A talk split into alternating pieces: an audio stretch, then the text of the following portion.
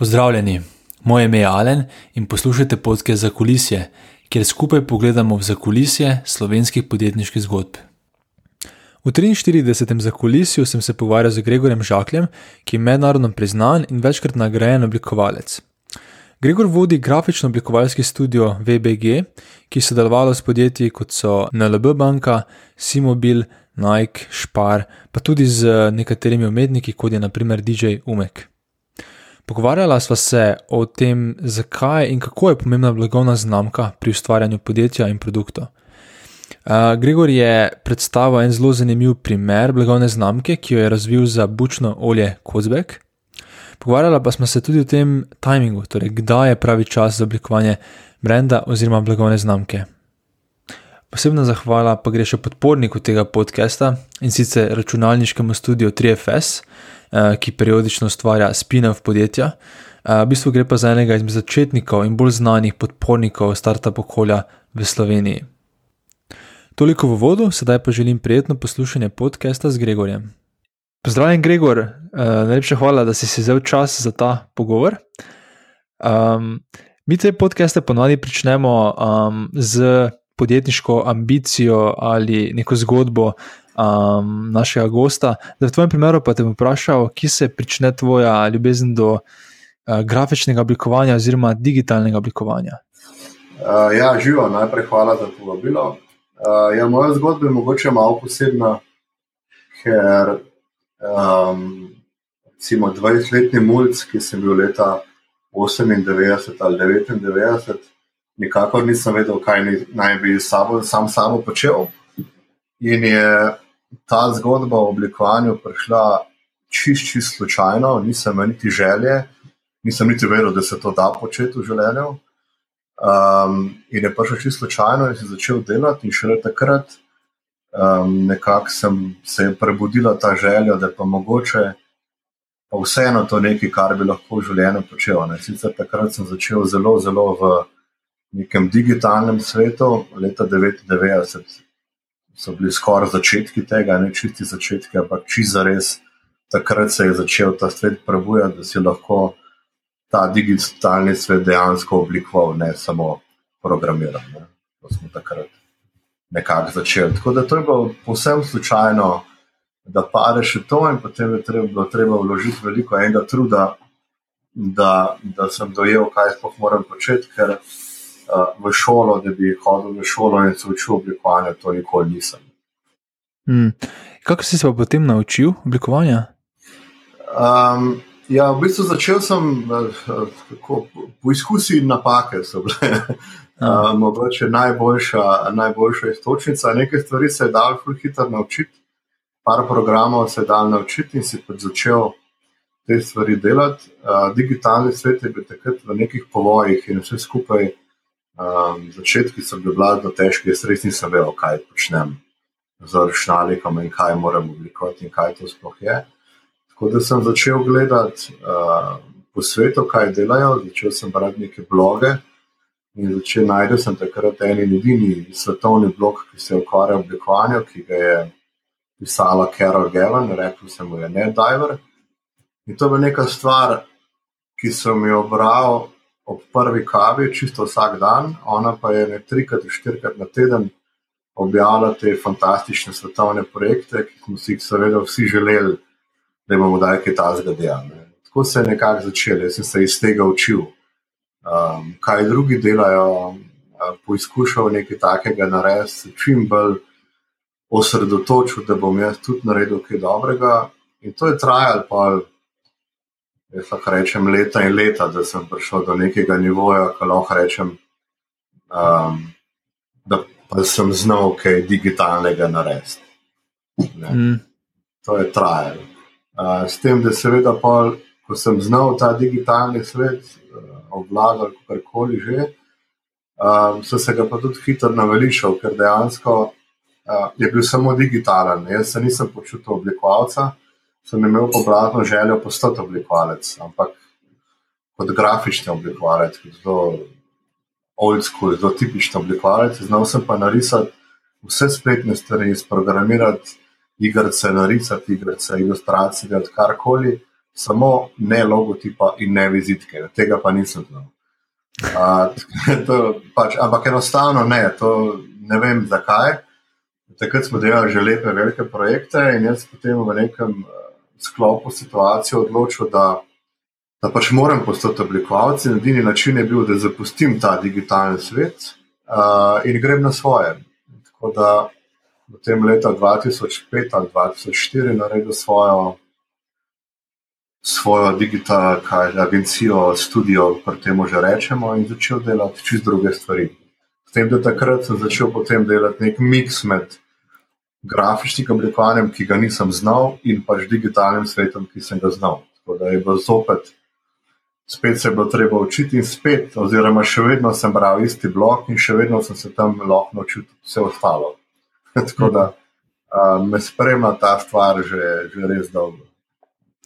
Da je bil ta blok v bistvu kot neki katalizator ta cele zgodbe. Ja, absolutno. Mislim, uh, ta svet je blazno, blazno zanimiv. Pač takrat, seveda, ko začneš, še nimaš pojma, gledaš to in se čudiš, kaj drugi delajo.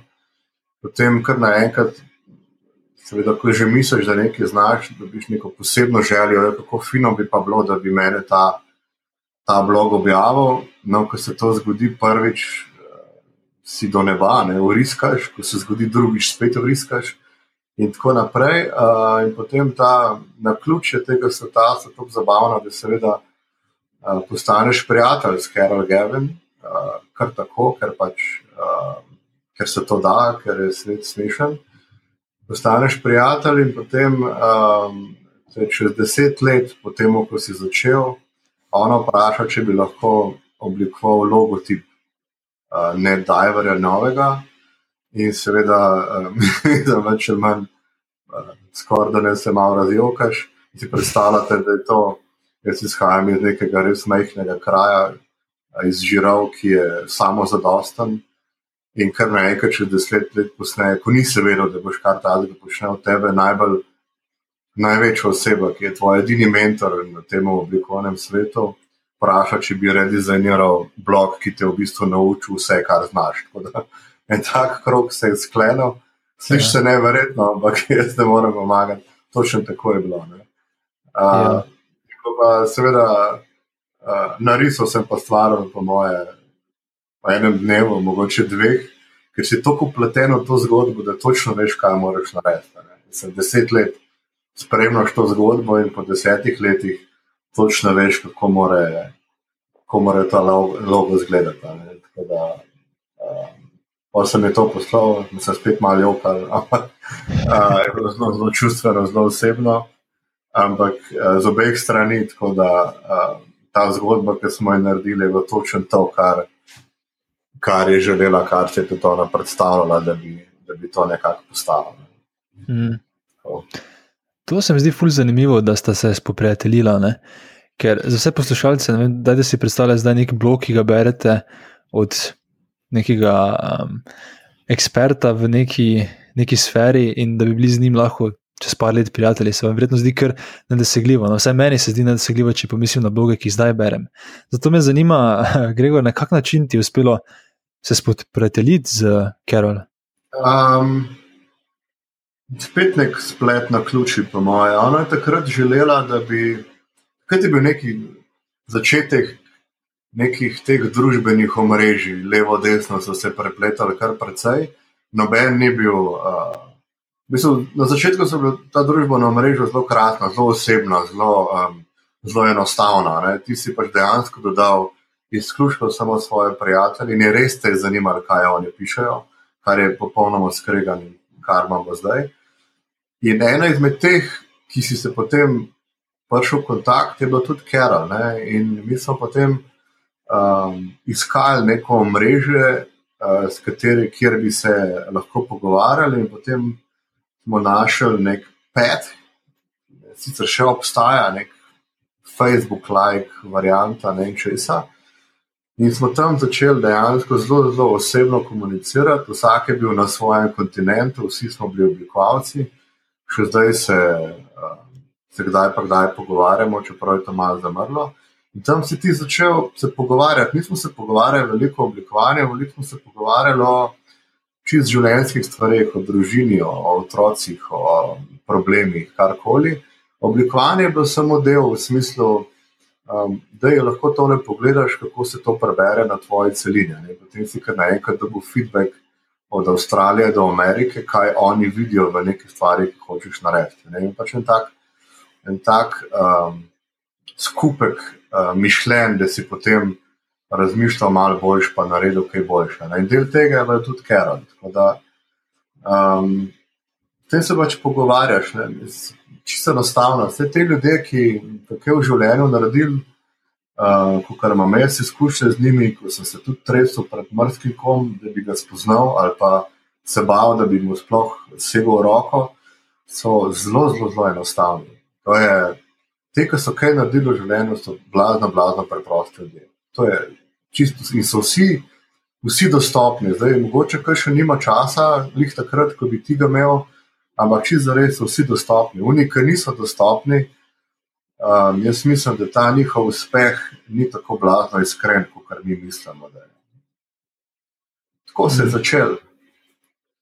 Da se, mislim, zanimivo je, da ta svet je, svet je na ključi, zdaj pa um, ne, ne, nekam te zapelje, zdaj pa če ti skočiš na ta vlak, te bo pač nekam odpeljal. Tle je bilo pač na ta način. Mi smo ratali neka skupnost, ki se je pogovarjala o, o, o življenju in o oblikovanju. In del te skupnosti, ki je bil v bistvu gonilni faktor, tudi ona je to organizirala, je bilo Kerala. Kot, kot da bi se na kavi najdel, no, samo da je pač ona v, v Kanadi. je Gregor, kaj bi pa ti danes opisal, um, kaj v bistvu sploh počneš? Joj, uh, ja, um, najbolj sem vesel, da nimam vizitke, ker seveda si jo ne znam narisati, da bi bil zelo zadovoljen. Uh, in tudi nimam neke blazne titule, uh, ki, bi me, ki bi me opisovala. Če bi delal v oglaševanju, bi bil verjetno umetniški direktor ali pa kreativni direktor. Um, Če za res pa sem vsega pomalem, uh, od tajnice do, do oblikovalca. Uh, in tako zgleda tudi moje delo. Dejansko um, projektov, ki se jih lotevamo, se jih radi lotevamo od začetka do konca, kar pomeni, da moraš imeti to blazno uh, multidisciplinarno znanje od, od vsebine do, do oblikovanja, do strategij, do ne vem česa ko vse to približno dobro veš, potem se šele, tle nekje se potem mi najdemo to svoje delo. No. Se pravi, da bi znal opisati eno od stvari, ki jo delam, je zelo težko. V končni fazi sem oblikovalec, ampak oblikovalec sem mogoče 10% svojega časa, 90% svojega časa pa. Se ukvarjam še z drugimi stvarmi, ki nekako pripeljejo do oblikovanja. Mm -hmm. Kako se temu reče, pa ne vem. Da, um, oblikovalec od začetka do konca, sam zelo netipičen. No, se borimo, da delamo tudi strategije, se borimo, da delamo dobro vsebino, da karkoli je pač potrebno, da te blagovne znamke zaživijo, kot je treba. Ja. Se v samem procesu se bomo še definitivno pogovorili, ker me ful, ful zanima. Predtem pa mislim, da moramo najprej definirati eno zadevo. In sicer, kaj sploh pomeni blagovna znamka ker se mi zdi, da, no, da bom spet reči sebe govoril, da do dolgo časa sem jaz pač povezal blagovno znamko z logotipom. Pa tudi, ko sem imel idejo, pač prvi korak pri ideji je bilo, da sem naredil logotip, vizitko. Ampak, me zanima, veš, kaj vse blagovna znamka pomeni, kaj to je. Mislim, najlažji, mislim, najbolj očiten je mogoče res uh, logotip, ne, ki ga največkrat vidimo. Večkrat vidimo tudi kaj zapisanega, vidimo mogoče stil fotografij, vidimo marsikaj. Zdaj, blagovna znamka, najlažje, za moja definicija, oziroma najlažje to povem, kaj je, da je to oseba. Ne. To je blagovna znamka. Tako kot ti imaš lahko odnos z, z osebo, tako imaš ti lahko odnos z blagovno znamko. Tako kot mora oseba pravilno nastopiti, se pravilno obleči, se pravilno pokazati, pravilno stvari delati, tako mora tudi blagovna znamka. In to je v bistvu najlažje, da razmišljamo o blagovni znamki, da je to oseba in z njim znova imamo, gradimo ali pa imamo odnose. Ne.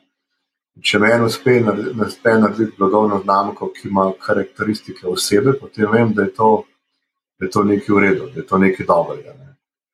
Uh, vse ostalo je fizično zelo romantično, samo je v bistvu čisto vedno tako, ne, ker blagovne znamke se gradijo na zelo, zelo dolg rok. Ne. In uh, te, ki niso narejene kot uskrena, iskrena oseba, imajo v nekih dveh, treh letih lahko blazne, blazne težave in morajo celotno, celotno svoj obstoj um, menjati. Hmm.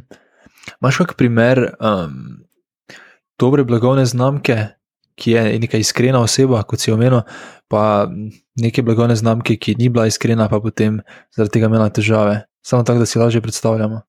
Um, ali misliš o svojih, ki sem jih delal, ali tako globalno? Ne, čez globalno lahko tudi. Ja, mislim, da je mogoče bo lažje to iskrenost iskati pri manjših blagovnih znamkah, bolj zaradi tega, ker jih poznamo, ki jih je lažje spoznati. Težko bi zdaj rekel, kje je bolj iskrena, je to Nike, Adidas, ne? ker pač do nas pride toliko malo informacij, da ne vemo. Uh, da je težko oceniti, kje je bolj, kje je bolj iskrena in oni imajo zapleten način komunikacije, da bi temu rekel. Ne. Ena izmed blazno neiskrenih blagovnih znamk je Apple. Ne. Ta je, vsi ga imamo radi, vsi uporabljamo, uh, so pa blazno neiskreni pri tem, kar delajo. Ne. Zadnjih, ne vem, deset let. In to se vidi, kako v bistvu uh, vsake tok časa se jim zgodi. Uh, velike, velike težave. Ne? Sicer mi še vedno bomo uporabljali vse od njih, verjetno, kar dela dobro, vsaj še zdaj. Uh, to neiskrenost pa zdaj blagno lepo forcirajo s svojimi cenami. Grejo v popolno nasprotju s tem, kar so včasih verjeli, kako mora biti to, recimo, računalnik za vsakogar ne? ali pa mhm. neka stvar za vsakogar.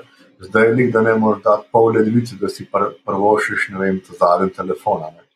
Kdo sploh nosi telefon, zdaj kako sploh lahko nosiš telefon, da ne vem, Jurija popol v žepu, si jaz tudi ne morem predstavljati. da, uh, to so take stvari, ne, zdaj pač. Pri naših, ki jih delamo, tistih, ki jih delamo, je pa to veliko lažje. Če ti prepoznaš, iskrenost enega ene blagovne znamke, ene manjše blagovne znamke, boš videl, da dejansko oni od začetka do konca komunicirajo čisto isto, iste stvari govorijo. Niso se spremenili, zato ker so od začetka definirali um, svojo pojavnost tako dobro, da je izhajalo iz nekih zelo, zelo iskrenih istočnic, kot je Kozbe, kot so Forkids. To je pač stvari, ki smo jih naredili, ki izhajajo direktno iz njih. -hmm. Niso nobene lažini noter, nobenih stvari, ki bi potencirale neke zgodbe in noter. Sama iskrenost.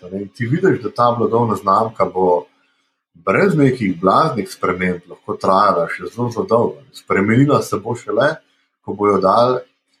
Mogoče se bojo oni spremenili, bojo še v nove produkte. Ne? Takrat je možnost, da narediš derivat blagovne znamke. Drugač pa ta zgodba, ki, ki pije vode, bi rekel, včasih. Se pa vidi, te, recimo, ne, tudi v avtomobilski industriji, ki je pač ratala čist pohabljena, uh, ni več iskrenih blagovnih znamk. Pač enostavno jih ni več. Ne, zato, ker so prišli do tako daleč, da oni ti dajo garancijo na točno to, kar so testirali, da bo NVA funkcioniral. Ne. In ga naredijo točno takega, da bo po petih letih nekaj delati. Ne. To je ta potrošništvo nas pač baše do te mere, da, da pozabljajo na, na iskrenost, ki bi pač mogla biti osnova blagovne znamke. Ampak na, kak, na kak način si pa razlagaš, da so lahko neiskrene blagovne znamke tako uspešne?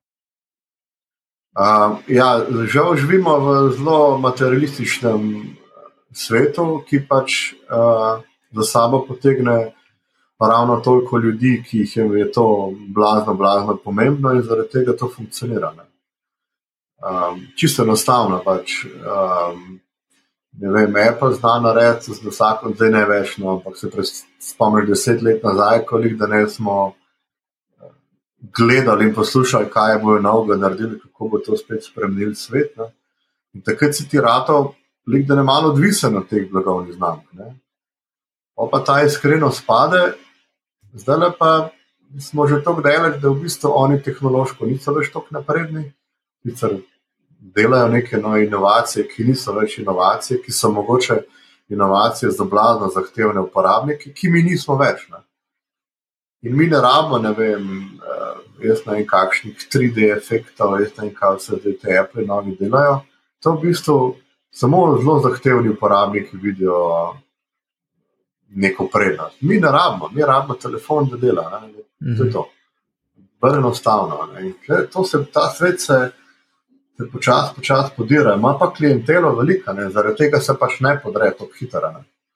Je pa velika možnost, da bo prišel ne vem, nekdo drug, ki bo komuniciral veliko bolj iskreno, bo imel dovolj kapitala zadaj, da bo komuniciral, da bo dosegel dovolj veliko publiko in bomo skočili tja. Ne? Ker ta, ti nisi več tako vezan na eno blagovno znamko, da smo prehajali v ta svet, ki je tehnologija ratala pocen, dobra, deluje, enostavna. To pomeni, da, da te blagovne znamke imajo, bojo imeli malo no, veliko težava, če komunicirajo samo, da so ne vem, kul. Cool, ne? Kaj šlo, ki dela veliko bolj, pa jih dela, da šala. Ne? In to tega se oni zavedajo, imajo v bistvu veliko, veliko težavo, kako sploh dati na, na trg nek, nek nov produkt, ki bo spet jih postavil na tako visoko, kar so bili. Ne. ne govorim samo o prodaji, prodaja pa te stvari tako najbolj uspešne. Ne. Ampak ta, kako smo bili uh, ne, uh, obsedeni s temi blagovnimi znamkami, od ta del je prišel, je pa je narobe. Ne. Ene blagovne znamke, ki so bile blago dobre, pa si kupoval stvari samo od njih, recimo, ne. nekaj let lahko. Uh, ampak ta krivulja se zna zelo hitro obrniti, če, če ugotoviš, da, da te iskrenosti pač ni več. Vse, zdaj pač govorijo o lepo, lahko govorijo o avtu. Mm -hmm. Podoben avto, ki je delal deset let, pa naslednji avto, ki po petih letih rabi ne vem koliko servisa. Ne? Ne, to pomeni, da je nekaj, da je nekaj blazno veliko narobe. Ne? Kako so lahko deset let nazaj naredili to boljši avto, kot zdaj. Ti si pa navaden te blagovne znamke, super ti je in kar naenkrat pač to ne funkcionira več. Ne. Teh težav je veliko, to je veliko tudi pri majhnih blagovnih znamkah, to se hitro zgodi. Ne. Če zanemariš to svojo iskrenost. Na čem pa bazira ta iskrenost? Če prav razumem, izveni, da na začetku tega procesa moraš definirati vrednote, ki se jih potem držiš. Prav razumem? Ja, Ja, tako ta zgodba, ki jo narediš, na čemu sploh temeljiti, stebri blagovne znamke, kaj boš delal, zakaj boš to počel, na kakšne trge boš šel, koga boš nagovarjal. Vse te stvari ne, morajo izhajati iz zelo, zelo močnih uh, inštanc. Ne. Zdaj, a je to osebna zgodba, a je to nekaj, kar nekdo blazno verjame. Um, neko stvar je treba najti, da ima to zelo močne temelje ki so pač iskreni, ki niso. Vem, najlažje je bilo, je trenutno, oziroma da je malo težje, včasih je bilo narediti najlažje, ne vem, nek produkt. Naredili so ga na kitajskem za neki cent, ti si ga prodajal za krat 100 evrov.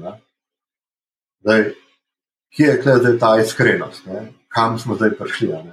Zdaj, zadnje dve let, pač veliko govorimo o teh sustainable in teh zgodbah, teh blagovnih znamkah, ki so to. Ne?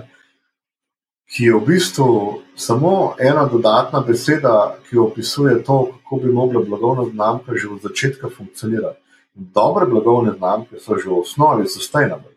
To sploh ni, to je nek buzzword, ki se je pojavil in ga zdaj vsi uh, uporabljajo. Sustainable ne pomeni, da je ekološki, da je ne vem kaj. Sustainable pomeni veliko drugih stvari. In blagovna znamka, če postaviš dobre vrednote, dobre temelje, že v osnovi ima. Ne?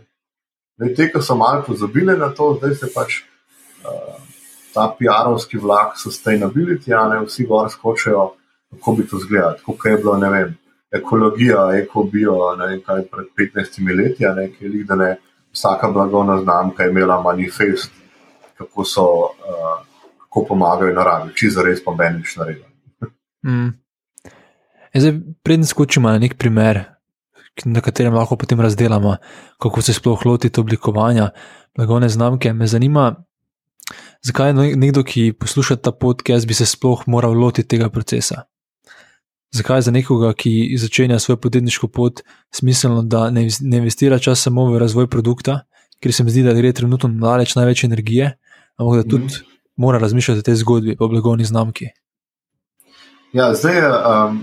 Tukaj imaš dve eh, zelo jasni veji. Eni razvijajo produkt, ki je ne, fizičen produkt, ker je tam, mislim, kako mi razmišljamo o blagovni znamki, zakaj je to pomemben, kako je narejena, kako je narisana, kakšna je zgodba. Pri fizičnem produktu je to mogoče veliko lažje, vse v glavi imamo, da je veliko lažje si predstavljamo ne neko flaško nekje.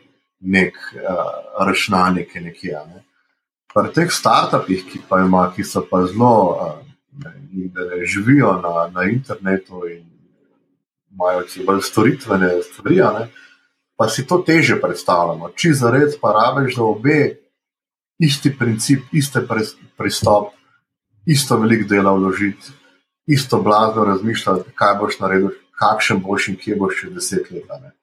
Tukaj pa pač več stvari hitro pade. Ker če ti imaš desetletne ali pa vsaj petletne vizije, uh, boš ti težko naredil blagovno znamko, ki bo funkcionirala 5, 10, 15 let. Se zato delamo. Se mi delamo blagovni znamki, ki bojo vem, dve leti, pobereš nek denar in greš. To ni. Ne. Ti moraš se lotiti neke stvari. Ki bo s tabo dolgo, dolgo, ne? ker v vse ostalo bo ta čas, ki boš vložil, ko je škoda. Pač. Edina inštanca, ki jo v svetu ne moremo kontrolirati, je čas. Če ti čas daš v eno blagovno znamko in želiš, da bo uspešno, ne moreš pravilno, pravilno že na začetku definirati. Ne. V poplavi vseh blagovnih, v poplavi komunikacije, imaš pa bore malo eh, možnosti, ne, ker v končni fazi je veliko odvisno od, od sreče, uh, či za res. Uh, in ta stvar mora biti vidna, ta stvar mora na pravilen način povedati svojo zgodbo, že v štartu. Ne nekaj narediti, fokusirati na produkt, potem pa razmišljati, kako bi, kako bi to stvar uh, komuniciral. To ne gre. Ne? Produkt v bistvu komunicira tvoje blagovne znamke. V produktu je že cel grafično podoben. To gre eno in eno. In zdaj, če začnemo mi delati da smo že pri razvoju produkta zraven, potem so na koncu rezultat lahko desetkrat boljši. Ne?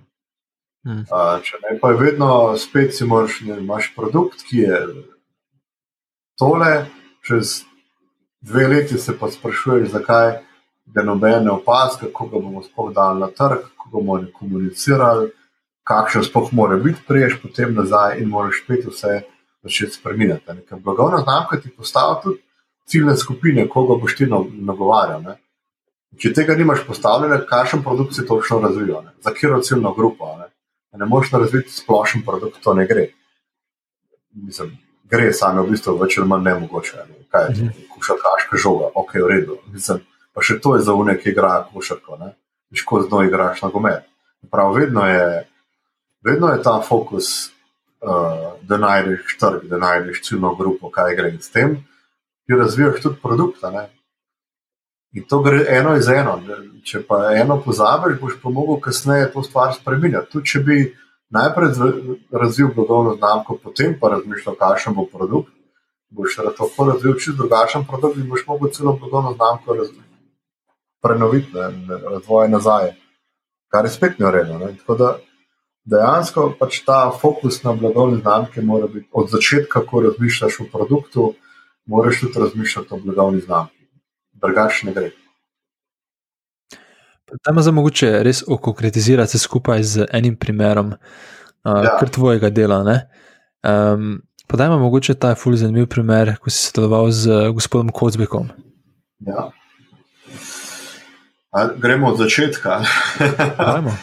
ja, a, gospod Kozbek je, um, to treba najbolj, najprej povedati blazno, blazno deloven človek, on, to družinsko podjetje, ne, tretja ali četrta generacija, ki 80 let delajo isto stvar, bučno ali ne, na isti način.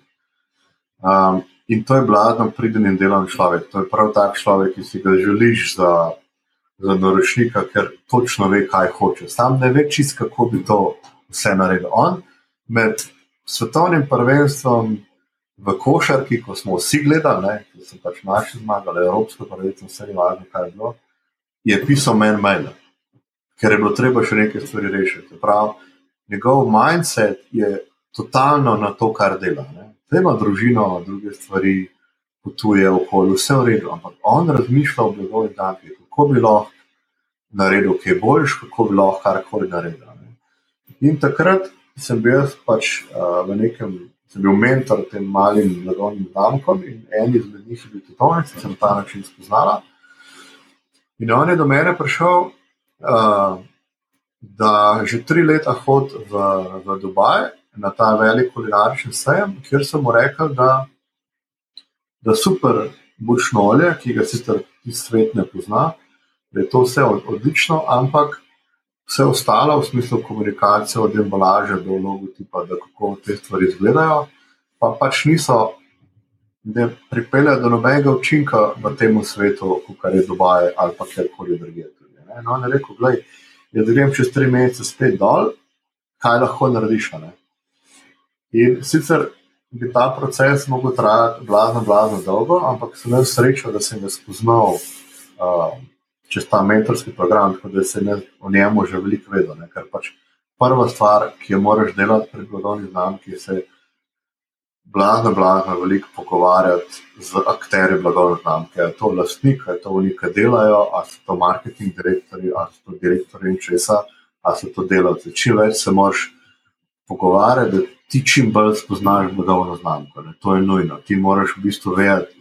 Ne to, kot oni, ki to nikoli ne moreš, ampak glavne stvari pa moraš poznati v nulo, kako prodajajo, kako komunicirajo, na katerih trgih so, kakšna je njihova zgodba. Vse to moraš ti vedeti, uh, ravno tako kot oni.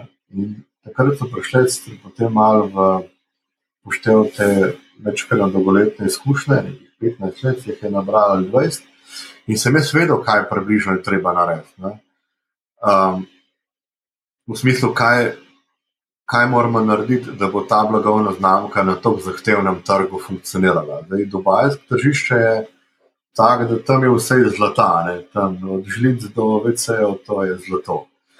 Uh, in zato za njih ne pomeni nič, uh, čist nič, ker je to na vsakem koraku, ker to lahko vse kupijo. Ne morejo pa kupiti uh, tradicije, ne morejo kupiti dobrih izdelkov, mislim, jih lahko, ampak jih nimajo, pravi, morajo vse kupiti.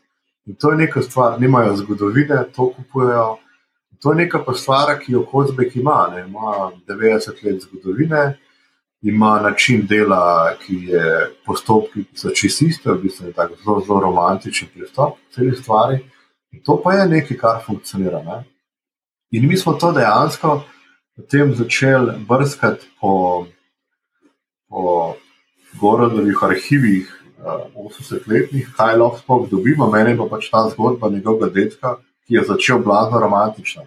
V njegovi blagovni znamki pa je ni bilo več, razen primka Kozbek, ti nisi imel občutka, da je to že 80 let. Bila je sicer letnica, ampak vse ostalo oblikovanje tega ni komuniciralo. Ti vzel to flašo uh, z fantastičnega uh, bučnega olja, ki je definitivno najboljši v Sloveniji in še daleč naokrog. Ampak ti nisi občutek, da je to dobro, ti nisi občutek, da je to narejeno s tako prodanostjo, kot on je, kot ta družina je. Mm.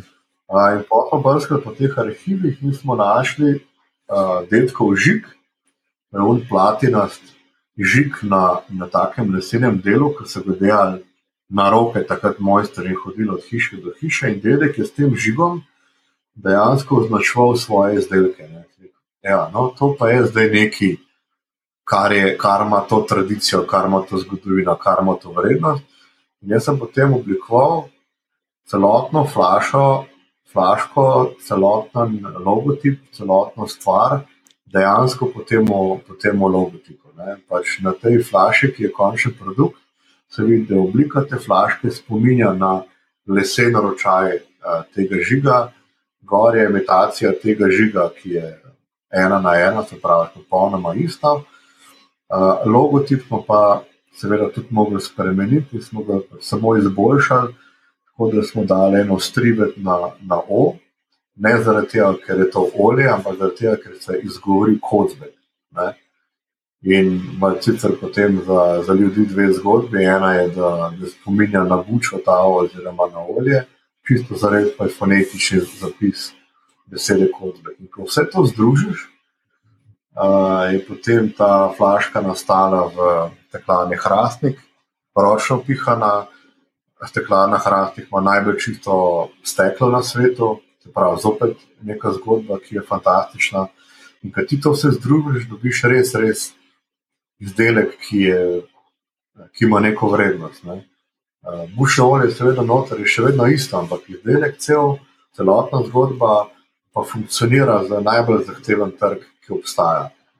Nismo se pa tudi pri tem uh, ustavili. Uh, rekli smo še, kako bi bilo še naredili uh, boljšo zgodbo tega izdelka. In prišla je do, prišli smo do ideje, da bi pa mi naredili pipeto, ki bi potem glaven kuhar, si predstavljaš, da je glaven kuhar s to flaško v belih rokavičkah, vzame pipeto in nakapla vsakemu nekaj kapljic tega olja. Ne. Kar naenkrat je to olje postalo ful, ful vredno mm. in kar naenkrat je edina stvar, ki ti spomniš, ta experience te večerje. Vse, kar se boš spomnil, je to, kako je glavni kuhar prišel do tebe in ti nakopljal olje po tvoji jedi. Ne. In je še ta experience te flaške uh, bil v bistvu blazno visok in res dobro funkcionira na teh uh, prestižnih večerjah. Potem je pa gore s to flaško, seveda, nesel v Dubaj, um, kjer ima točno, mislim, da par minut z glavnim šefom teh kuhinj, te glavne kuhne, kjerkoli ima štiri minute, da pove svojo zgodbo. In zgodba je tako narejena, da zopet blazno iskrena. Gore te zna povedati kadarkoli. Uh, nismo se nič, nič zmišljali, uh, nič novega nismo blazno dodajali. Samo te stvari, ki so že bile pri njemu, smo jih prepoznali in potencirali. Uh mhm. -huh. In on to zgodbo zna povedati sam. Uh, in ko to zgodbo pove, to flaška je šla v prave roke. No, in potem uh, pol leta nič, nobenega efekta, uh, predstavnici vrst trud, ki smo ga v to vložili ta romantično spihanje, ročno pihanje steka. To je res tak kraft, ki ga imamo v Sloveniji, je res nevreten. To, to je noro, ko stojiš tam zraven in to podelaš. To je pet, pet, um, pet delavcev, ki to delajo, pet res mojstrov, ki to delajo. Tem reče brigada, in se v pol ure naučijo, koliko stekla morajo uh, zajeti, kako morajo pihtati, da imajo ne vem. 60 do 70 odstotkov izkoristek te flaške pridavane. To je noro, velika. To je, da se predstavlja, to je vsaka druga, še več, je točno taka, kot mora biti. Mm. Uh, in to je res, to imamo mi toliko znanja, da, da je noro, no, glavno. To je. Kucine ti grejo, še zdaj mi grejo, zdaj mi grejo, kucine na koncu. Če si to promo, pihneš to steklo, da diš na veliko žogo, vse skupaj. Ampak je pa neverjetno, no, kakšno vrednost imajo te uh, te rokodelci, ki, ki jih imamo v Sloveniji. No, po pol leta uh, je pa potem nekdo to flaško, to oblikovanje, to stvar odkril na neki policiji, tako si jaz to malo predstavljam. In poklikal gora, da je mora zdaj prijeti v Dubaj, gora ti tak človek, da se seveda ne mudamo usede na avion, ker je treba, ker zna oceniti, kdaj je treba, kdaj ne. In se odpelje v Dubaj. Uh, takrat pa smo imeli že narejen tudi uh, zmontiran filmček, ki so nam dovolili, da posnamemo tudi v steklarnih raznih celoten potek, uh, ko ta flaška nastane in tudi potek, ko olje nastane, pri Gorozdu. In ko so te ljudje videli ta filmček, ne, da je to narejeno vse na roko, da je to čisto, da je to ta čistost, ta, ta tradicija ta zgodba, ki ste videli ta film, če to ni neka stvar narejena, jaz ne vem, na kitajski, ne teh flašk, ne vem kva, ampak to vse je ročno delo. Je potem ta flaša prišla na najvišjo restauracijo v Dubaju, na svetu, v bistvu ta Bori Kalifa, ne na vrhu restauracija in ta flaška se dejansko tam uh, uporablja. V bistvu je nevrjetno, kot zbog pa ima, ne vem, zaposleno, recimo, ne, enega. ne. Ja. Ampak to se da, ne. to je moč blagovne znamke, ki, pravilno, ki, pravi, ki ima pravilno zgodbo, ampak tudi komunicira prav, ne pač. Uh, dizajn je prav, embalaža je prav, zgodba je prav, film je prav, fotke so prav, vse je pravilno narejeno, po čisto istih uh, stvareh, ki smo jih napisali. Točno taka mora biti. Ne.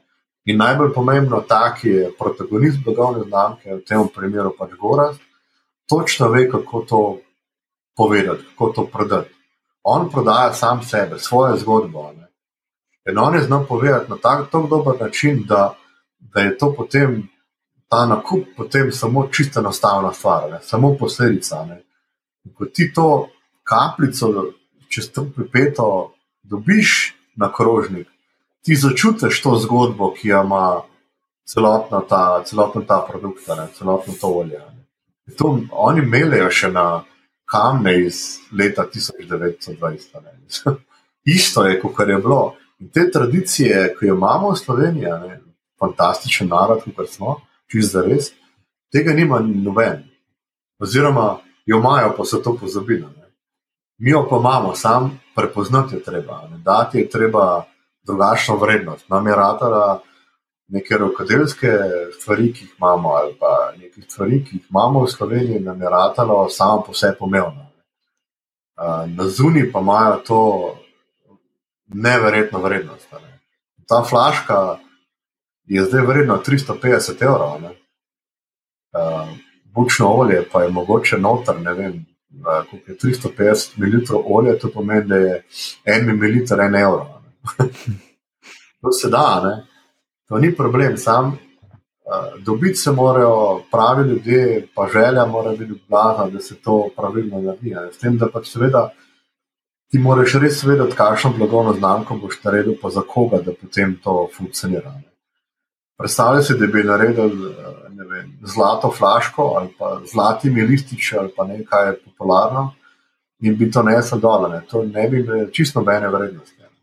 Ne. To bi mogoče v Sloveniji kdo rekel, da je fajn zlato flaško, imamo, se malo prepotentno vse skupaj. Ne. Za njihov svet dol pa bi bilo to popolnoma brez vrednosti. Ne.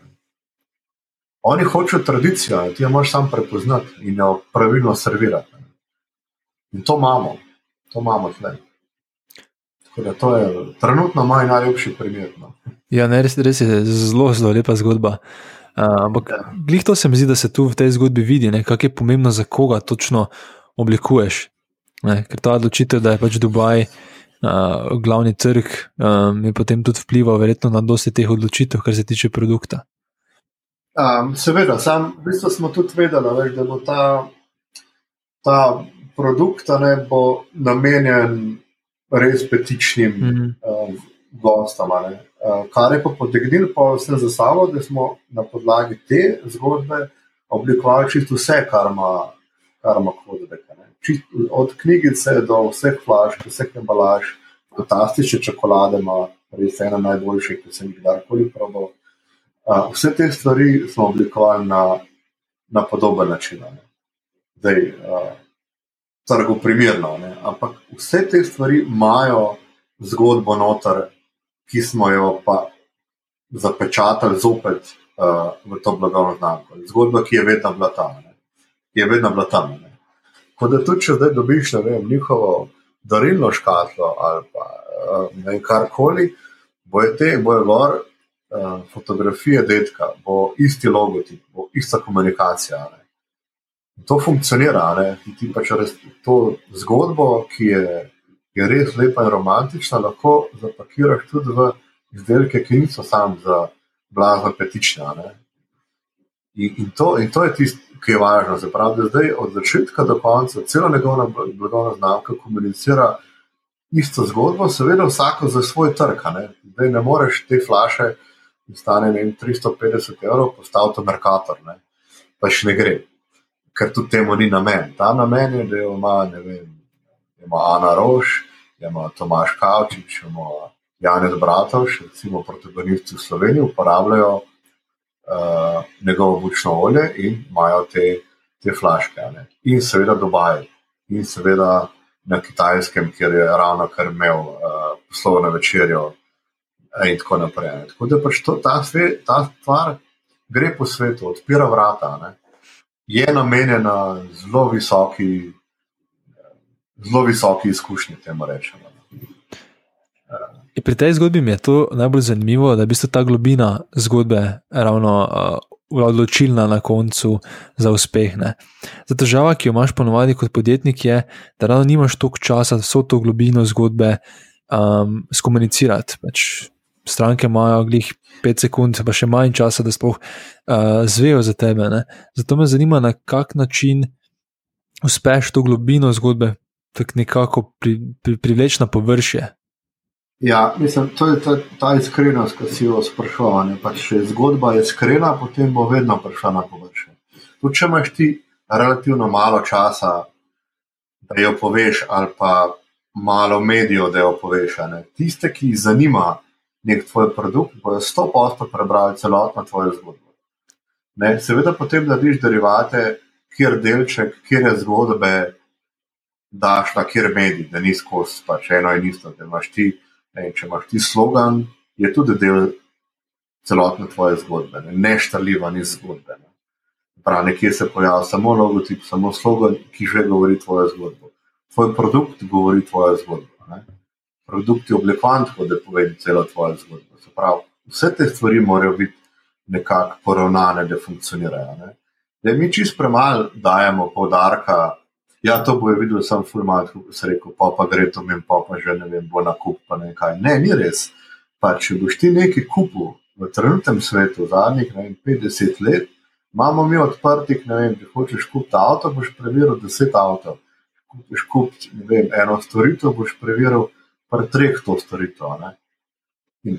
Nekaj te mora prepričati. Ponavadi nas prepriča iskrena zgodba, katero verjamemo. Edino to te na koncu prepriča. Ne? Da so stvari urejene, kako morajo biti, mm. da ti to verjameš. Ni zdaj važno, uh, da je pa krišna zgodba malo bolj zgleda zapleteno, da je moš povedati. Ti moš najti enostaven način, da je boš povedal. Ne? Ker pač ne vem, ljudje smo zelo enostavni, mi ne maramo kompliciranih stvari. Pač, Zgledajo nam ali pa funkcionirajo nam težke, ustrašimo se jih ne? in bežimo stran. Če pa ti izluščiš to zgodbo v nekaj zelo osnovnega, zelo enostavnega, potem pa je to zgodba, ki, ki je verjetna, ki jo bodo hitreje prepoznali in se hitreje zapomnili.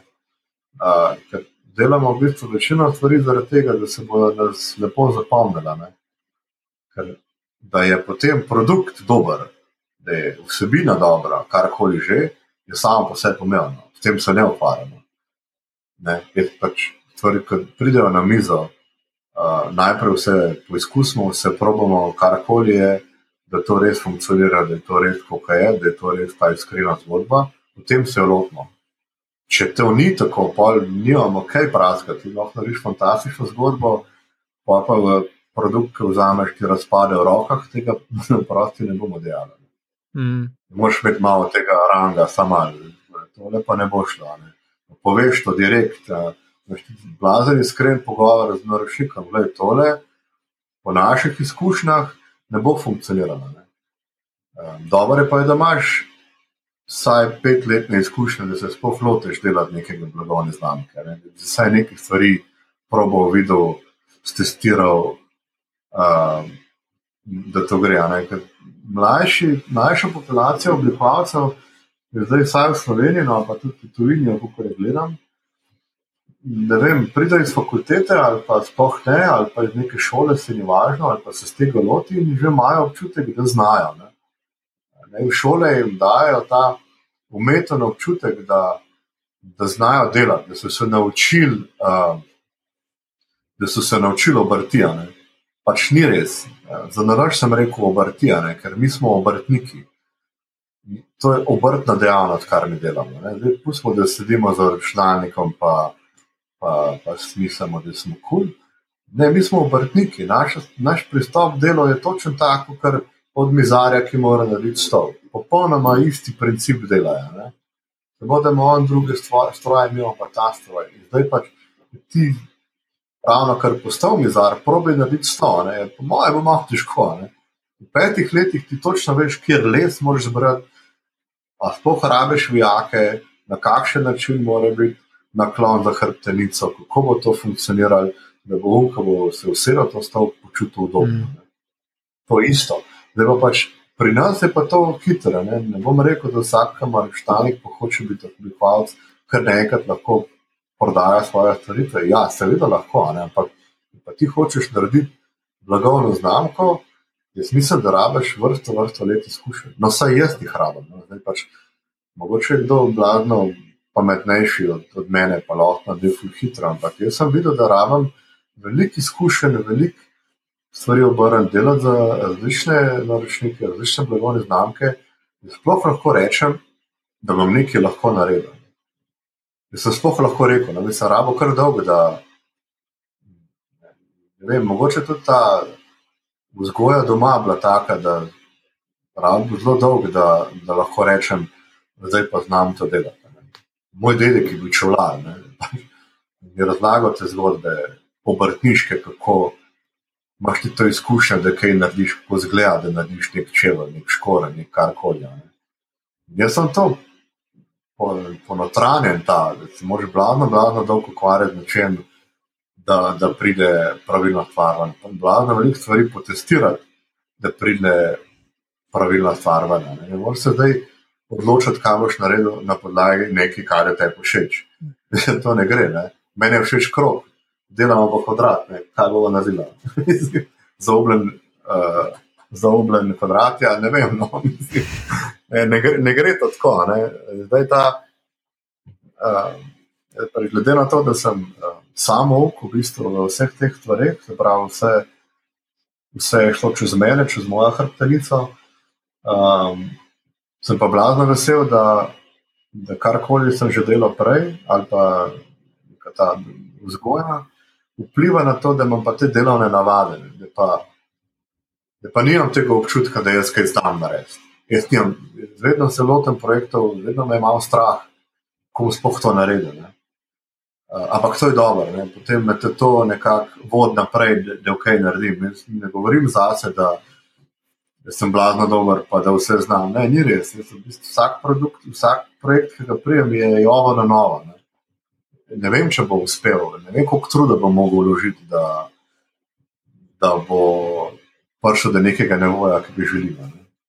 Ampak to je osebna lastnost, pač, se mi zdi, ki je pač potrebna pri uh, vseh stvarih, ki jih delamo, nisem pa oblikovanju. Ti moraš to do nemoglosti neke stvari delati, da, da se potem veš, da si se prav odločil. Mm -hmm. Odločiti se pa moraš, ne? ampak se moraš prav, ne lahko se na podlagi testiranja, lahko se na podlagi izkušenj, moraš pa se na koncu prav odločiti. To je tisto, kar je težko. Zdaj, dizajnirati, narisati nekaj, to ni težko. Ne? V bistvu to se da hitro naučiti. To, to je rokodelska delo, da imaš programe, začneš risati. Ampak vse ostalo odločitve, ki jih sprejmeš, kako boš to narisal, kakšno tipografijo boš bral, kako boš komuniciral. To pa je nekaj drugega. Ne? To pa je malo težje. To pa je nekaj, kar se moraš pa blazno veliko časa posvetiti, da veš, zakaj si se odločil v končni fazi. A to pomeni, da bi ti odsvetoval mladim podjetnikom, da se sami poskušajo oblikovati svojo blagovno znamko. Um, Prišujem pa iz tega razloga, ker v fazi, ko začenjaš, pa ne imaš ravno toliko sredstev, da bi najel nekoga, da, pri, da ti pri tem pomaga, ki ima toliko izkušenj, ki ima 5, 10, 15 let izkušenj, da res naredi tako zgodbo, kot, kot je treba. Torej, Zanima me, kaj je na svet za nekoga, ki komaj začenja, kako lahko sam, vsaj do neke mere, to pripelje do zadovoljivega nivoja. Mislim, pomemben je to, da um, se blazno, blazno fokusiraš in ukvarjaš s tem, um, kako boš nastal, kakšni bojo ti tvoje temelje. Da ni nujno, da najameš um, blazno izkušenega in um, oblikovalca, ne, da, da to dosežeš. Samo pomaga pa veliko, če dobiš nekoga. Ni, mi nismo vsi za vse, ne? jaz tudi nisem za vse. Pač. Pri oblikovanju mi gre dobro, pri kakšnih drugih stvareh sem katastrofa. Um, tako kot vsi ostali, ne? ti si lahko blazno dober podjetnik, ampak ne veš pa, na kakšen način bi komuniciral. Lahko si blazno dober v svojem produktu, veš, kam bi šel, ampak ne veš pa, kako bi ga oblikoval. Tukaj je dobro vzeti pomoč ali pa se blazno s tem veliko ukvarjati. Razumem te male podjetnike, začetki podjetništva so vedno težke, vedno je tako. Uh, splača se iti v kakšne delavnice, kjer je kakšen mentor, ki ti lahko pomaga. Ne. Da smo mi bili od tega trenutka letos snijali in da smo bili mentori malim podjetjem. Nismo nič delali, samo pogovarjali smo se z njimi. Da so se oni začeli, da so dobili neko znanje, oziroma začeli, da ti tako usmeriš, o čem jih morajo, kaj morajo razmišljati, ko bojo to začeli. Vano je najprej vse samo finance, pa nekaj točno bo produkt, pa la, la, la. Ne. Pa pa kar naenkrat zmanjka časa za vse ostalo, ne? ali pa energije. Ne? Mi pa vidimo samo zunanji svet, pa ne vidi tvojih financ, ne vidi, koliko si ti trudil, vidi pa vse ostalo, ne? Kako ti komuniciraš, si prv, kako ti izgleda logotip, kako ti izgleda produkt. Ne? To vidimo, mi smo pač vidni, vidna sporočila, ne? ki pa treba pravilno zaoblikovati nujno je, da si vzamemo čas na začetku, da bomo res dobro razmislili, kako je. Sicer je pa, jaz mislim, da je še vedno veliko teh nekih delavnic ali pa nekih mentorstv ali pa nekaj, ki ti lahko pomagajo, da vse malo začneš razmišljati. Treba je pa sprejeti dejstvo, da ni, mi nismo vsi za vse. Ne moreš vse sam narediti, ne, ne gre. Ne, in da se najdete alternativo, ko ti eno eno pomagaš, in bo te pomagal, blagovna menjava zaradi mene, vse se da zmeniti. Uh, če je želja na obeh straneh, to ni dan problema. Mogoče, če se lotimo mogoče nekega procesa ja. vašega, ne? pa če ja. lahko mogoče deliš kako vajo, ali pa kakšen framework, ali karkoli, kar lahko mogoče potem tudi sami naredijo podjetniki v tej začetni fazi, ko oblikujejo uh, blagovno znamko? Um, mislim, da ta najhljubi internet, ima blazno stvari, upišeš noter, sem, kako bi mogli elementi blagovne znamke. In tam bo ene pet stolpcev stvari, od uh, tone of voice do logotipa, do vse živo nekaj se bo treba prebrati, kaj sploh kaj pomeni, ampak vse je treba iti step by step, a ima moja blagovna znamka vseh teh deset točk, kakorkoli že. Ne. To je v bistvu, uh, da imaš neko road plan, nek seznam, kaj vse bi blagovna znamka mogla imeti, potem je že lažje začeti. Ne. Da ne bomo risali samo logotipa, ampak bomo točno vedeli, kakšne stil fotografij, ki jih potrebujemo, na kakšen način bomo sploh nagovarjali koga, koga, da bomo konsistentni od začetka do konca. Ne. To je edini dober način uh, začetka. Um, blazno, blazno pa se treba tudi pogovarjati s temi, ki bodo to blagovno znamko uporabljali ali pa zelo srčevali ali pa jo delali. Ne. To je več glav, več ve, res. Ne. Nekje sicer se mora biti enko bolj odločen, ampak veliko časa treba posvetiti temu, da se ti pogovarjaš o blagovni znamki lahko o vsaki točki, ki bo. Ne. Recimo, uh, v tej poplavi sporočil je blazno važen, kakšen ton obereš sporočila. Ne. Karikiramo, boš preklinjal ali ne boš. Ne. Kakšna je tvoja blagovna znamka, če preklinjal? Mislim, da lahko se da čisto enostavno inštance spreježiti tega. To je treba na začetku se začeti. Žal je treba iti čez vse, um, čez vse točke, Potem, recimo, ena točka, ki je, se ti zdi, da je samo napisana, lahko podreje čisto vse, kar si do zdaj razmišljal o blagovni znamki, pa kaj bi naredil. Zaradi tega jih je toliko. V glavnem se na internetu ponavljajo iste uh, iste točke, no? kako iti, kam iti, kaj je zgodba, kaj je. Kaj pomeni, kakšne so vredno, vrednoti blagovnih znamk, kako izgleda. Pač, tega je hula. Mm. Kaj pa vidiš, da so najpogostejše napake um, tvojih klientov, ki, za katere narediš brand, in potem, ko prevzamejo torej, te materijale od tebe, kaj so najpogostejše napake, ki jih naredijo potem pri implementaciji tega uh, brenda? Um, Tle je zapovedati dve stvari. Ena je um, prvo, kar um, se mi je že zgodilo, no, pa upam, da se mi ne bo nikoli več, da je naročnik prišel. Um, z napačnimi inputi, ki sem jaz verjel, ne, napačnimi raziskavami. Um, lagal se je, kako bo komuniciral, lagal se je, kje bo nastopil, lagal se je, kako bo dejansko prodajal ta izdelek, lagal se je o tržnih raziskavah. Seveda, ko ti to vse dobiš na mizo in kljub pogovoru, ja, ja, ja, to je vse res, to je tako, la, la, la v nobeno moje vprašanje, ki jih sicer imam nek vprašalnik, 50 eh, vprašanj, predno sploh začnemo delati, eh, se ni ujel, ni, ni, nisem začutil, da, da, gremo, da je nekaj narobe. Eh, in mi smo naredili blagovno znamko, zapravili nekaj, da se bo vse narejeno, verjetno nekaj pol leta dela, nekaj, rekel na pamet, 75 tisoč evrov, in prodal se niti en izdelek ker ta laž, ne, se, s katero smo začeli delati, je bila dejansko tako velika, da ta stvar ne funkcionirala. Ne. Mi smo to razvili prodajne poti, ampak če ti ne greš od te prodajne poti, če niti enkrat ne pojaviš nikjer, potem seveda ne moreš prodati niti enega izdelka. In ni prodal niti enega izdelka.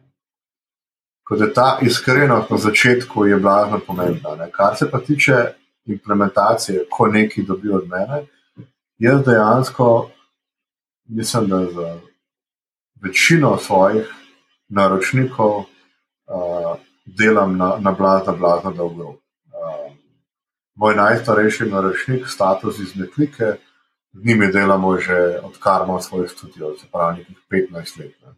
Tako zdelamo, navajeni smo drug na drugega, um, poznamo se, vemo, kdaj je treba narediti tako kdaj se treba potruditi, uh, vemo, kako uh, komunicirati, vemo, kako nastopiti na sejmih, vemo, kako proizvodnja izgleda, vemo, kje prodaja, kako prodaja. Vse te stvari imamo več skozi glavi. To pomeni, da jih jaz poznam in oni poznajo mene, oni poznajo moj način dela, jaz poznam blagovno znamko. In sodelovati z nekom na dolgi rok je tudi meni vedno bil cilj. Pač Predstavljati si, da jaz prednost po nekaj začnem, o blagovni znamki veliko, veliko naštudiram, veliko, veliko vemo jih, ne, hočem zvedeti. In to znanje imam, zdaj pa ali ga ostavimo fakturo, pa je stvar končana, ali pa pač delamo naprej izvedbo, da je čim bolj v tem smislu, kot smo jo naredili. In to deluje dejansko zelo, zelo dobro. Ne. Ti lahko, uh, tudi v bistvu interesov naročnikov je, da ti da pelejo eno grafično zgodbo čim bolj dolga. Ne. Recimo, včasih smo rekli, da ima, da ima internet tako zelo, zelo, zelo dolg repa, ne. kar je res. Naš ljudi Google najde, kako je blagovna znamka komunicirala tudi pet let nazaj. je lahko cela katastrofa. Ali pa kako je izgledala pet let nazaj, ali pa kje se je pojavila. Mi to komunikacijo, ki je včasih bilo blazno malo medijev, zdaj pa imamo toliko dostopnih medijev, da je to posodano. In to se da za nazaj pogledati, kar je grozno. Uh, tudi, recimo, rešitev, ki jo naredimo, kdaj pa kdaj, sicer verjamem, da zelo preproste rešitve, ampak mogoče meni izgledajo preproste potem za, za implementacijo in potem to prevzame hišni oblikovalec ali pa sosed ali pa vem, mlajši oblikovalec, ni važen, ki še ni tako veš, da bi znal reševati vse težave, ki se pojavljajo potem naprej. Potem imamo pač težave, da ta blagovna znamka čez eno leto um, zgleda čist drugače, kot bi mogla. Proti temu se blazno borim in fulful mal takih um, blagovnih znamk, dejansko sploh delamo, ki so vem, enkratna stvar. Edin, če je to manjša blagovna znamka, ki pač um, more se še blazno sama naučiti, kako prije do neke poti, ki nas bo spet rabila. Ne. Takrat ja, ne, ampak smo vedno na vezi, da takrat, ko bo je rabo, smo zopet tukaj in spet lahko naprej delamo. Ker pač ti si v nekem grafičnem jeziku ali pa copywriterskem jeziku ali pa fotografskem jeziku. Ne, pač najljubše delati skozi istim fotografom, bo isti stil, z istim oblikovalcem, bo isti stil, iste, iste stvari bojo noter. Ker um, neverjetno pa je, da se to blazno vidi. Mogoče smo mi obsedeni, da se oblikovalec vidi, ki je narobe. Ampak tudi potrošniki vidijo, da je ta komunikacija konsistentna, da je dobra, ali je kar nekaj, kar ne razumejo. In če ne razumejo, ne bojo vzeli iz police. Je to zapleteno, ne bojo vzeli iz police. Ne? Če je grdo, da se sliši najbolj narobe, tudi to, tega ne bojo vzeli iz police. Žal je tako, ne? mi oblikovalci radi rečemo, da delamo samo dobre, pa slabe stvari. Naša publika pa rada kupuje lepe, pa, pa ne mara pa grdih. Huda dilema. Oblikovalci pa ne delamo lepih stvari. Mm samo pravilno. Kar je. Ja, kar pa vprašaj. Vmes je omenil ta vprašalnik, ki se mi zdaj fulj zanimiv, uh, ki ga ja. imaš za stranke, prednji začneš z njimi delati. Uh, bi lahko mogoče delil kako vprašanje za tega vprašalnika, um, um, da mogoče lahko tudi drugi uporabijo nekaj podobnega, pa mogoče prvo sploh, zakaj imaš ta vprašalnik za stranke? Um, vprašalnik imam um, prvič zaradi tega, eno je, da hočem iz strani eh, naročnika eno določeno resnost že takoj v začetku. V smislu, jaz delam z naročnikom, ne za naročnika. Uh, če bom delal z naročnikom, to pomeni, da bo on skozi svedel, on bo skozi upleten v celoten moj proces, celotno mojo zgodbo. Na koncu ne bo uh, super predstavitvenega sestanka, kjer bom jaz pokazal končno rešitev. Tega mi nimamo. On v bistvu je upleten v cel proces in dejansko skozi čutil, v katero smer gremo, tudi čist končne rešitve ne vidi, ampak ve, kaj bomo naredili. Ve, ni, ni neko veliko presenečenje, ker to je delo z naročnikom, ker to tudi pomeni, da se ti na koncu ne more zgoditi, to pa meni ni všeč. Čak, če to tebi ni všeč, pa tudi vse vmes narobe dejalo ali pa nek, nek, nek tak komentar, ki je tipičen, ki te ne vem, kot oblikovalca najbolj strah, da nekomu to ne bo v redu. Seveda, če je tvoj proces dela, da delaš za naročnika, ne pa z njim. Za naročnika pomeni, da si pač tri tedne sedel ali pa tri mesece sedel za računalnikom se ukvarjal s tem, risal, skiciral, se matro, prišel do neke rešitve, ki se tebi zdi, da funkcionira. To predstaviš, On pa ima seveda v glavi vse ostalo, kar ve o svojem poslu, od trga do kupcev, do nekaj, in vidi, da to enostavno ne bo šlo. Ne. To ne more na ta način prodajati, ker ima čisto pašne stvari noter, čisto pašne vrednote, čisto pašne sporočila, ki se potencirajo, ki so podarjene. Se ne vem, karkoli, ne gremo lahko detalje. Če pa si ti delal z naročnikom od začetka do konca, pa ta upletenost konstantna, ne, skozi. In to je potem dober rezultat. In ta vprašalnik je v bistvu začetek tega dela, da se on zave, kako bo mogel delati. Ta vprašalnik ni tako fully enostaven v smislu, da ga lahko kar tako rešiš. Notor so vprašanja, recimo, kakšne prodajne poti imaš, opiši jih, kdo so tvoje celna skupina, na kakšen način tvoja blagovna znamka trenutno komunicira tudi par psiholoških v smislu, žival si. Ne? In tako naprej. Tako da jih jaz malo lovim, um, jih jaz malo lovim v smislu, kako oni sploh razmišljajo, ker potem se v tem vprašanju tudi seveda pogovarjamo, ko hočemo razlago, zakaj pa so oni lev. Imel sem tudi, da so žirafa, nisem razumel, zakaj. Ampak, ko se pa začneš o tem pogovarjati, pa ti vidiš, da je zadaj neka Ja, mi smo žirafa, hočemo biti elegantni, veš, hočemo se lepo sprehoditi čez, uh, čez, čez, ne, čez stepo, lepo komunicirati, konsistentno, ampak to neko predano, elegantno. Nočemo biti agresivni kot levi. Ampak ti veš, da je to, wow, to, je, to je super. Jaz sicer ne vem, da je to žirafa, nisem ve, ampak ti pogovarjaš o tem, hočeš biti blagovno znano, kako je v bistvu žirafa bravo. In jaz vem, da moram narediti nekaj blazno elegantnega. Ne? Jaz imam iz tega vprašalnika zelo jasno začrtano pot, v katero smer gremo, v katero pa ne. To je pač bistvo tega. Uh, vprašalnik, če za res teh 50 vprašanj je malo poslovno skrivnostno, ampak ni pa tako hudo, da se jih ne bi mogel uh, nekdo lotiti. Je pa dober štart, veš, to je v bistvu vse, kar bi ti mogel vprašati na prvem sestanku, pa te je malo strah, lahko daš v ta vprašalnik. Ne? In potem ga mora izpolniti. To je ena. Ne? Pa imam pa še drugo foro, pa imam pa še intervju. intervju z vsemi ključnimi uh, osebami v blagovni znamki. Zakaj? Najprej dobijem vprašalnik, to se jim zdi enostavno. Okay. Ali pa težko. Ne? Pa, pa ti vidiš, da je v bistvu intervju in vprašalnik.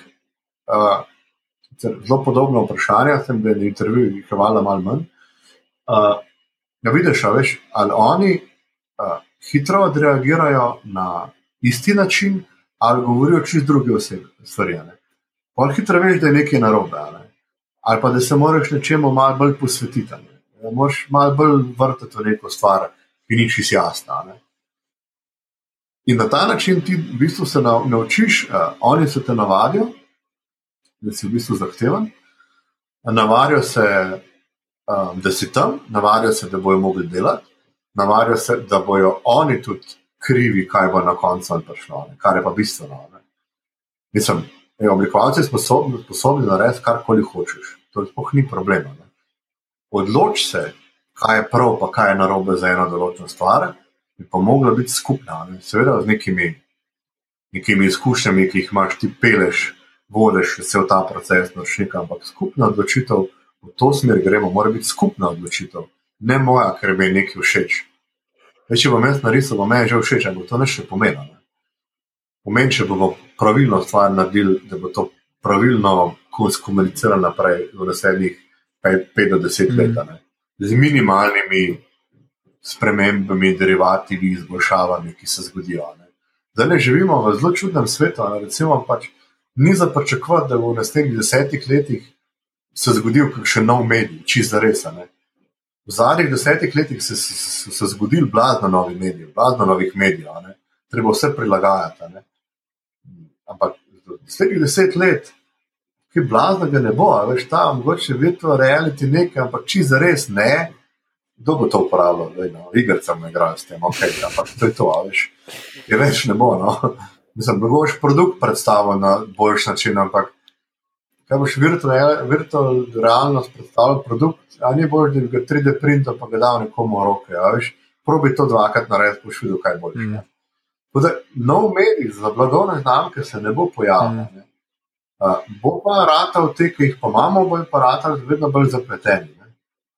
E, ni več komunikacija na nekih medijih, ki sicer čist preveč podarjamo, recimo družbene omrežja, čist preveč podarjamo kako je to pomembno, da če zares ni. To je, veš, to je, je nek medij, en izmed je. Podarek, ki ga tam dajemo, čist preveč. To niso realne. To niso realni ljudje tam. No? Mislim, predstavljaj si, da si ti daj na Instagramu tako, da si zares. Nisi. veš, torej, mi smo vsi pofajkani na teh stvareh. In komunicirati karkoli čez to je to zelo preveč podarka, se daje za ene leta. No. Blagovne znamke se, se zgodi tam, kjer imaš ti ena na ena z njima. Tam se zgodi karkoli se mora zgoditi. Ne. Vse ostalo je, ne vem, govorimo o vseh teh. Ja, mora biti zrihtan, mora biti urejena, poudarek mora biti čisto drugi. Hmm, da mi malo več o tem povej, kaj točno si želel s tem povedati se ta, to zgodi ena na ena, ne pa na družbenih omrežjih. Ja, ti boš uh, kupil ali pa uporabil neko stvar, če, jo, če boš znova v stiku. Se pravi, ali bo to uh, vinska steklenica, ki si jo ravno kar nekje odprl, boš pogledal in vse en, kako izgleda in kaj ima, kakšen, kaj ima gor napisan, kakšna je ta zgodba, ki je gor. Ja, Probal boš v različnih situacijah, vino, okus, odvisno od tvojih čustev. Ne? In boš mogel vse to probo, da boš prišel tam, se zgodi moj odnos z blagovno znamko. lepa fotografija na Instagramu mene samo opozori na blagovno znamko. Nič več kot to. Ne? Nisem niti proboje, mislim, lahko je ta steklenica blazno lepa, blazno lepo je fotografirana sred eh, lepe vinske kleti, bog se ne da še piša deklica zraven, ne vem, karkoli. To je pač samo neko vizualno sporočilo, karikiramo. Ampak nima nobene vrednosti, ki jo, ki jo moraš delati, ker se lahko fokusirate. Ne? Ali blagovna znamka, pač ne, storitev, kaj se tu, če je to. Um, bom se vrnil spet na ta Dropbox. No, pač, Dropbox, ko začneš uporabljati, ti vidiš, kakšna je ta uporaba. Če pa jaz sledim sporočilo na Instagramu ali pa na Facebooku, prosim, uporabljaj tudi Facebook, ki je največja shramba na svetu za 10 evrov. Čisto če pomeni, če tega ne začnem uporabljati. Ne. Ja, obvestili ste me, ok, v redu. Kako boš ti sploh prišel do Dropboxa? Po mojem, te, ki še prijatelj povedano skoraj zihar, 99%, uh -huh. ali pa še več, ali pa tam nekaj. Ne. On pove, da je to probi, da je probi to vino, to vino je res dobro. Da je probi ta stvar, ti ta, ta je res dobra. Ne. Ti boš ti probal in tam mora biti, to je pa pol bistveno, ker ti vzameš ta izdelek v roke, ne, ali pa ga začneš uporabljati, če govorimo o storitvah. Tam pa pride to, kjer se zgodi ta moj odnos z blagovno znamko tam pa jaz vidim, kako to zgleda, kako to komunicira, da je vino dobro. Pač že rekli, da to mora biti samo po sebi pomembno. Če sem že bil od prijatelja to flašal, mora biti to še malo boljš. In jaz pa tam verjam.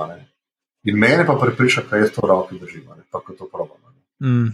Vse ostalo je pa tako, no, mislim, pa, veš, jaz vidim, da vem, blagovne znamke se morajo veliko bolj ukvarjati s to, nazaj s to neko ne rekel, jih direktno prodajo, ampak izkušnjami s kupci, izkušnjami na trgu. To je bistvena informacija. Ne, zdaj pa vsi analizirajo, pa ne vem, koliko lajkov sem imel na Facebooku, pa koliko ne vem na Instagramu. In kaj pa. Jaz poznam najboljše slovensko vino, ker sploh nima Instagrama. mm. Veš, prodajo vse vino, noben ne ve, ne pozna, to je res. Samo oni, ki ga pa pijejo, pa vedo, da je to najboljše slovensko vino. Ne. Ajš, je, to je čist drugo. Ne, pač mi smo poplavi teh sporočil, ki so, ne, ki, seveda, jaz sem skozi na Facebooku, skozi na Instagramu, ne vem, pač tak sem, jaz sem skozi malo to rekel. Meni je to fajn. Ne. Ampak gre pa kaj pametnega tam zvedo, pa tudi ne res. Ne. V bistvu, če zdaj so dali v nazaj na update Apple, ko ne, lahko pogledaš statistiko, ne. Ko uporabljaš še česa, ne. Ne pa ti pogledaj, koliko ur preživiš na teden na na Facebooku, koliko uporabnih informacij si tam zvedel. Ali bo rekla nula, samo zato, da bo zgodba bolj zabavna. Koliko informacij pa si zvedel čez, čez čat? Sto. Čet je ena na ena, ne? jaz se pogovarjam s prijatelji v nekih grupah četih, tam sem zvedel vse. Kaj me je pa Facebook vmes opozarjal, da ne vem, mislim, še poskrolati se mi ne, ne, ne, ne, ne da, kaj je kdo kaj povedal. Mm. Ti podarki so, so rata smešni. Včasih je bil ta podarek veliko bolj ta ena na ena prodaja, da se jim biti tam, imeti embalaže urejene, imeti prodajne poti v BE, ki so usmerjene na, na kupca, ne nek splošen, ne vem kaj. Ne. Zdaj pa če je pač ta težava, ki se pač potem veliko mladih sooča, da pač, ja, naredijo novo blagovno znamko, prodajali bojo pivo, bo rekla in naredijo Facebook stran in mislijo, da se bo to uh, začelo dogajati. Ne, ne bo. Najprej povabim deset prijateljev, ki bodo to pivo sprobali, teh deset prijateljev ima še dodatnih deset prijateljev, se pravi, kar naenkrat bo sto ljudi zavedalo tvoje blagovne znamke, da imaš res, da imaš pivo. Ki boš imel res dobro video, jih bo zvedel sto. Boš imel povprečno pivo, jih bo zvedel dvajset. Boš imel za noč pivo, pa rajn povab svojih prijateljev. Tako se dela, tako se vedno dela, to je fokus. To je edini način dela. No? Vse ostalo je ne, pač stran metanja denarja. Ne? Recimo, pač se znaš primerjati dobro vsebino na, recimo, na, na Facebooku, na družbenih omrežjih, ti prenese, ima čisto isto lajko, kot busta na za 5 evrov. S tem, da si ti busta, ne veš, kdo je to klikal, ko si pa ti dobro vsebino naredil, pa dejansko veš, da so to pravi ljudje naredili. Tam smo, veš treba tam mal nazaj, korak nazaj, stopiti pa reči, gledaj, uh, da moramo mi najti svoje prodajne poti tam, kjer dejansko so realni kupci. Mi na družbenih mrežah nismo realni ljudje več. Bili smo deset let nazaj, zdaj pa nismo več. In je treba fokusirati se drugam. Moš imeti, kar pač moš imeti, ker ima ta stvar srča, ne? da te iščejo tudi tam, ampak to je pa tudi vse. To, ko si omenil, za, da povabiš deset prijateljev, sem tudi bral v eni podjetniški knjigi, da je full dober test za nasplošno za ideje. Ne? Da poveš desetim prijateljem, in če nobeno ne povejo ja, naprej, ja, ja. ni dobra ideja, id nazaj. Uh, Če za res so se vsi, vse, vse stvari so se tako začele. Mm. Mislim, ne vem, jaz ne poznam, uh, mislim, razen ta nek, neki čudni start-upi, no, v katerih pač ne delamo, oziroma redko se zgodi, da delamo. Mm, je to nek, nek je, je bila to vedno ista zgodba. Ne? Ali je to družinska neka stvar, ki se je začela, ali je to res pet prijateljev reklo, da je to, to, ti to znaš fantastično delati da res naredi dobro, dobro pivo, da je to narediti malo več. Ne? In popa, kar prijateljem pa manjka, ne? trenutno, oziroma pa še, da te to zdaj še pove, da to ta moj prijatelj dela. Ne? To nam pa malo zmanjka. Ne? Ampak dobri prijatelji tudi to znajo ja. dobro narediti. Miha ima pa super pivo. Lej, probi to. Ko se bo to zgodilo, ko bomo začeli tako nazaj se pogovarjati, pa bo to tako, kot mora biti. Zdaj pa pač oprosti, meni en like, nisi ti meni več naredil za moj biznis. Če pa ti to nesel svojim petim prijateljem, da je probi to pivo, le, to je res dobro, pos pa nekaj za me naredil. Ne? Ker bo to dobro pivo, bo oni videli v, v trgovini, pa bo vedel, da je dobro pivo, ki so ga že probali, ki so imeli to ena na ena izkušnjo z, z izdelkom, ali potem bo je to tako. To je edini način, ne? edini pravi način. Mm. Ja, mislim, da je vedno bolj jasno, kaj želiš povedati tem ena na ena, s brendom. Pa potem tudi imaš tu čas iti v to globino, um, če se pogovarjaš s svojim prijateljem. Ja, mislim, da ti dobiš uh, najbolj iskren feedback od svojih prijateljev. Ali pa najmanj. Sam poslušaj. Ja, no, vse, vse. Mislim, le, jaz ne vem, zakaj bi naredil pivo, ki bi bilo slabo in bi ga dal prijateljem, in vsi ga bojo hvalili. Prosti, to niso tvoji prijatelji tvoj prijatelj ti, ti, ti bo to rekel, oprosti, jaz to ne nam pil, eh, prenesti mi nekaj drugega. Lej, na robe si naredil popravljeno, mm. to pa to ni dobro. Ne? In ta feedback, ki ti dajo pravi prijatelji, je bistven za začetek kakršne koli posla. Uh, in, ampak moraš pa vprašati prave prijatelje, ne znance, ki hočejo kaj od tebe. Ne? Prijatelji nočejo nekaj od tebe. Prijatelji bi radi šli samo s sabo na pivo in se pogovarjali o življenju ti lahko njih vprašaš, je iskreno mnenje. In to funkcionira. Um, ja, najlepša hvala, Gregor, za, za tvoj čas. Res, dosti sem se danes uh, naučil. Um, zdaj več nimamo, nažalost, časa, da bi šla še skozi čistista zadnja klasična vprašanja, da ti bom postavil tisto čišči zadnje. In sicer, um, kje te lahko poslušalci najdejo na spletu, več o tebi, o tvojem delu, uh, pa tako nasplošno, če imajo tudi kakšno vprašanje. Um, jaz sem v bistvu posod sem Gregor Žakelj, tako da um, karkoli vtipkaš, boš prišel do mene. Uh, in če za res, če le imam čas, nisem prepleten na svojih pet tipičnih projektov, ki jih skozi delam, um, vedno dobrodošlo vprašanje. Tako da kamorkoli, na vseh možnih omrežjih, do mailov, do social networkov, karkoli, tam sem. Cool. Ja, najlepša hvala še enkrat, Gregor. Ja, hvala tebi za povabilo. Tako, to je vse v današnji epizodi. Če ti podcast za kulise všeč, te vabim, da se prijaviš na mailing listu na zakulisi.com, da boš obveščen ob objavi naslednje epizode. A ja, pa hvala vsem, ki ste oddali ocene in komentarje na iTunesu. Za tiste, ki pa še tega niste naredili, vas vabim, da mi tako pomagate razširiti besedo o tem projektu saj z vsako ceno in komentarjem iTunes boljše reagira podcast in ga potem lahko odkriješ več ljudi. Hvala še enkrat in se slišimo v kratkem.